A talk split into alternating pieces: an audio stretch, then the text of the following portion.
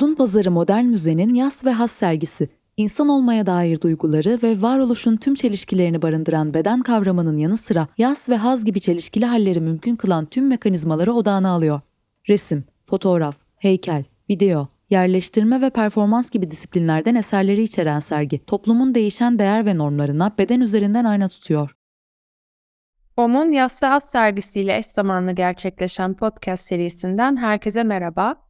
Ben Bala Gürcan. Bugün OM Sergiler Direktörü Zeynep Bircet'le sergiden yapım sürecinden ve sanatçı seçkisinden bahsedeceğiz. OM'da sergiler direktörü olarak görev alıyorsun dördüncü sergi olan ve Haz'ın nasıl bir araya geldiğinden ve serginin kavramsal kurgusundan biraz bahsedebilir miyiz? Haz 7 Eylül 2022 30 Temmuz 2023 tarihleri arasında gerçekleşen senin de demin dediğin gibi OM'un dördüncü ana sergisi. E, Yas ve Haz'ın üzerinde 3 seneye yakındır çalışıyoruz esasında. Bayağı uzun süreli bir proje oldu bizim için. Araya pandeminin girmesiyle beraber kapanmalar, e, işte başka sergilere öncelik vermek gibi durumlardan ötürü ancak 2022 yılında açma fırsatı bulduk. Tabii bu süreç değişik yöntem ve seçkilerden geçti sergi. İlk versiyonu ve şimdiki versiyonu arasında hem zamandan kaynaklanan hem de bu zaman içinde gelişen olaylardan ve güncel durumdan kaynaklanan birçok değişiklik oldu oluştu. Sergide odaklandığımız ana tema esasında bedenin makro düzeyde e, dünyayı ve daha mikro bir düzeyde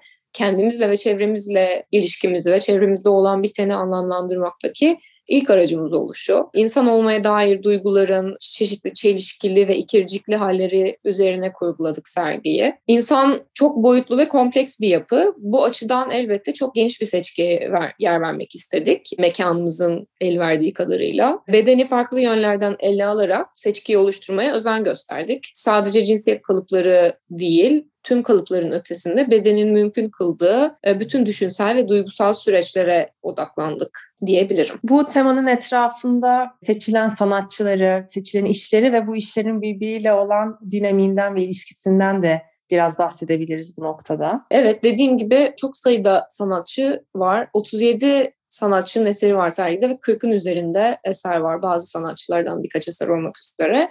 Bunlar Erol Tabanca ve İdil Tabanca koleksiyonlarından seçilmiş eserlerin yanı sıra çeşitli e, ulusal ve uluslararası kurumlardan ödünç alınarak bir araya getirildi. Demin bahsettiğim gibi aslında konumuzu birkaç ana gruba ayırdık ve çok fazla ülke ve kültürden beden algısının da çok farklı olduğu ülkelerden sanatçılar seçmeye özen gösterdik. Hem medium yani malzeme ve teknik olarak multidisipliner bir seçki hem de kültürel olarak aslında heterojen bir dizgide kozmopolit olan bir sergi ortaya çıktı. E, çünkü ele aldığımız konular aslında tüm insanlığa mal olmuş ve tüm insanlığa dair konular aslında. Yani bütün insanlığın tecrübe ettiği şeyler, kültürlerinden de bağımsız olarak. E, değişen normları göz önünde bulundurarak bedene dair çağdaş olduğu kadar zamansız sorular sorarak bu soruların cevaplarını aradık aslında bu sergide. Nihai bir karara veya e, karara varmak bir karar vermek veya bir beyanda bulunmaktansa bedene dair süreçleri araştırma bağlamında değerlendirilebilir bu sergi. Yani geçmiş ve gelecekten beslenen ve belirli bir zamanda kısıtlı kalmayan uzun bir zaman dizgisine dizilmiş bir seçki yapmaya gayret ettik. Sergi üç kata yayılıyor. Bütün mekanlarını,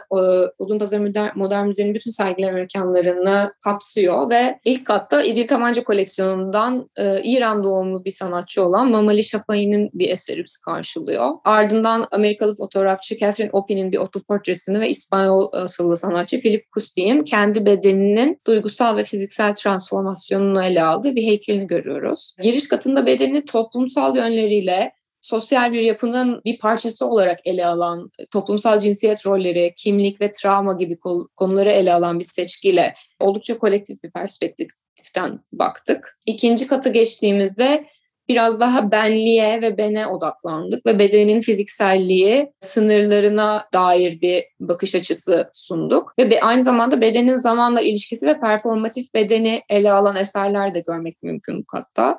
Ana salonda Ömer Ulu John Copland, Erdoğan Zümrütoğlu, Vito Akonçi gibi isimlerin yanı sıra Asker Carlsen'in fotoğrafları, Alpin Arda Bağcı'nın e, ve Erwin Wurm gibi sanatçıların işleri de var. Bu kat biraz daha bağlayıcı bir görev görüyor. Tabii ki akışkan bir dizgi oluştururken katları tek tek hani tam olarak ayırmak mümkün değil ama bir bağlayıcı görev gördüğünüz söyleyebiliriz bu katın. Aynı zamanda kadın kimliğine odaklanan bir takım eserler de barındırıyor. Bu meyanda Pınar Yol Açan, Canan ve Elif Uras'ın işlerini sıralamak mümkün. Üçüncü kata geldiğimizde ise bedenin direkt olarak mekanla kurduğu ilişki ve bu ilişkinin geçmişten günümüze yolculuğunu sorguladık. Yani bedenin olası potansiyellerinin araştırmalarına dair eserlere yer verdik. Örneğin Bruce Naum'un performatif ekolünden yola çıkarak varoluşu bir gözle Theo Triantafyllis gibi daha genç ve e, güncel bir sanatçının artırılmış gerçeklikte kurguladığı ve kapsamlı bir projenin bir parçası olan eseri Pastoral'e vardık. Her iki sanatçı da beden ve mekanı ontolojik bir açıdan irdelerken aslında bedenin olasılıklarına dair bambaşka beyanlarda bulunuyor. Bu arada bir not olarak eklemek gerekirse 7 Kasım 17 Aralık arasında gerçekleşen Ata Doğru Yaylı'nın 40 günlük kesintisiz performansı Işık Kaynağı'dan sonra da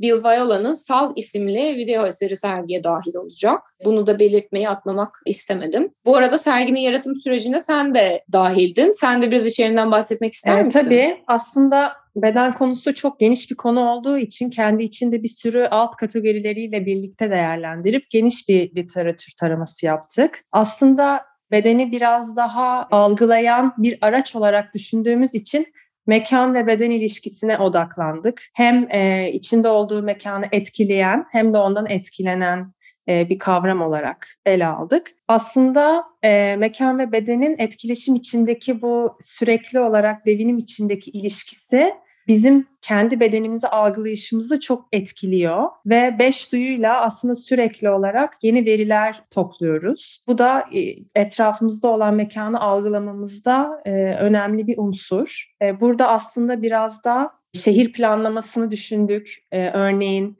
LGBTQIA plus bireylerin nasıl böyle belli mekanların, şehirlerin örneğin merkezinde yer alamaması, bu merkez periferi yani aslında farklı mekanlara itilmeleri gibi ya da dışlanan bazı bedenlerin yine mesela burada Susan Sontag'in metafor olarak hastalık AIDS ve metaforları kitabından yola çıkarak birçok kanserli insanın akrabaları ve arkadaşları tarafından dışlanmasını yani bedene dair bir unsurun mekansal bir dışlanmayla birlikte geldiği gerçeğin mesela altını çizdik metni yazarken sergi metnine. İşte cinsiyetli alanlar az önce bahsettiğim gibi ve azınlıkların aslında bedensel, e, bedenin istekleri ve ihtiyaçları doğrultusunda nasıl bazen e, ilişkisinin tekrar tanımlandığına e, dikkat çektik. Bununla beraber zaten e, güncel tartışmaların odağında olan geçirgen bedenlerden biraz bahsettik. Fütürizmin de etkisiyle ve yeni teknolojilerin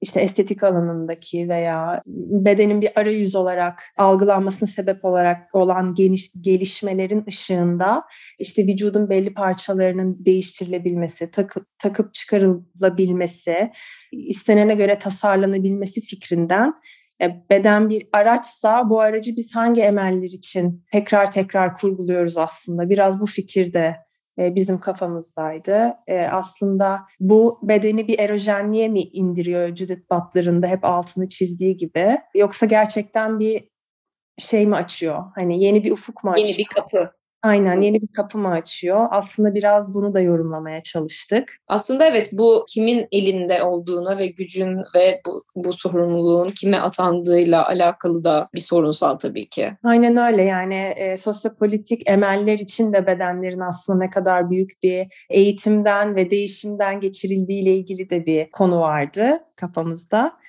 En son olarak da performatif beden olgusundan yola çıktık. Birazcık daha bu medya ve popüler kültür, e, Instagram, sosyal medya e, gibi alanlarda aslında bedenin nasıl bir proje haline geldiği, işte büyük şirketlerin ve devletlerin kullandığı da bir araç olduğu ve belki de oradan çıkış yolu olarak bedenin kendi özelliğini geri aldığı, bir beden endüstrisinin e, biraz daha işte farklı bir yol aldığı bir senaryo düşündük. E, bu standartlaşmaya karşı olarak biraz male gaze, erkek bakışı kavramını ele aldık. Cinsiyetin aslında yapay bir kavram olması, Michel Foucault'un da dediği gibi. Yani constructed dediğimiz, inşa edilmiş oldu. Aynen öyle. Yani aslında bu son noktada da e, hem bu 60 ve 70'lerdeki performans sanatının çıkışıyla beraber e, bedeni aslında özgürleşmiş bir alan olarak tanımlayan e,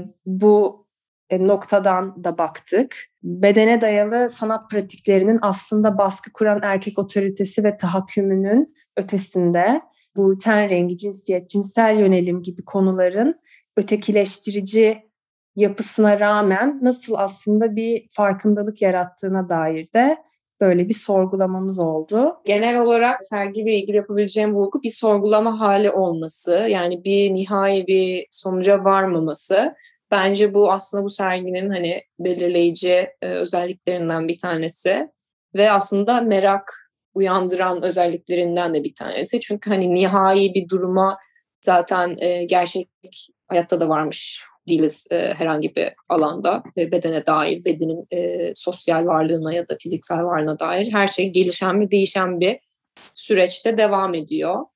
E, o açıdan bununla paralellik göstermesi benim hoşuma gidiyor açıkçası. Evet ve aslında bedenin tekil bir gerçekliktense çoğulcu bir algılanış biçimiyle bakıldığında daha net anlaşıldığına dair de bir noktaya vardık aslında. Yani noktaya varmaktan öte e, bunun etrafında kurguladık, bu düşüncenin etrafında ve aslında bence bütün sergide bu çoğulcu yaklaşımı destekler nitelikte. Evet bence de gerçekten öyle. Çok teşekkürler Zeynep bugün bizde burada olduğun için. Ben teşekkür ederim. Çok tatlı bir sohbette.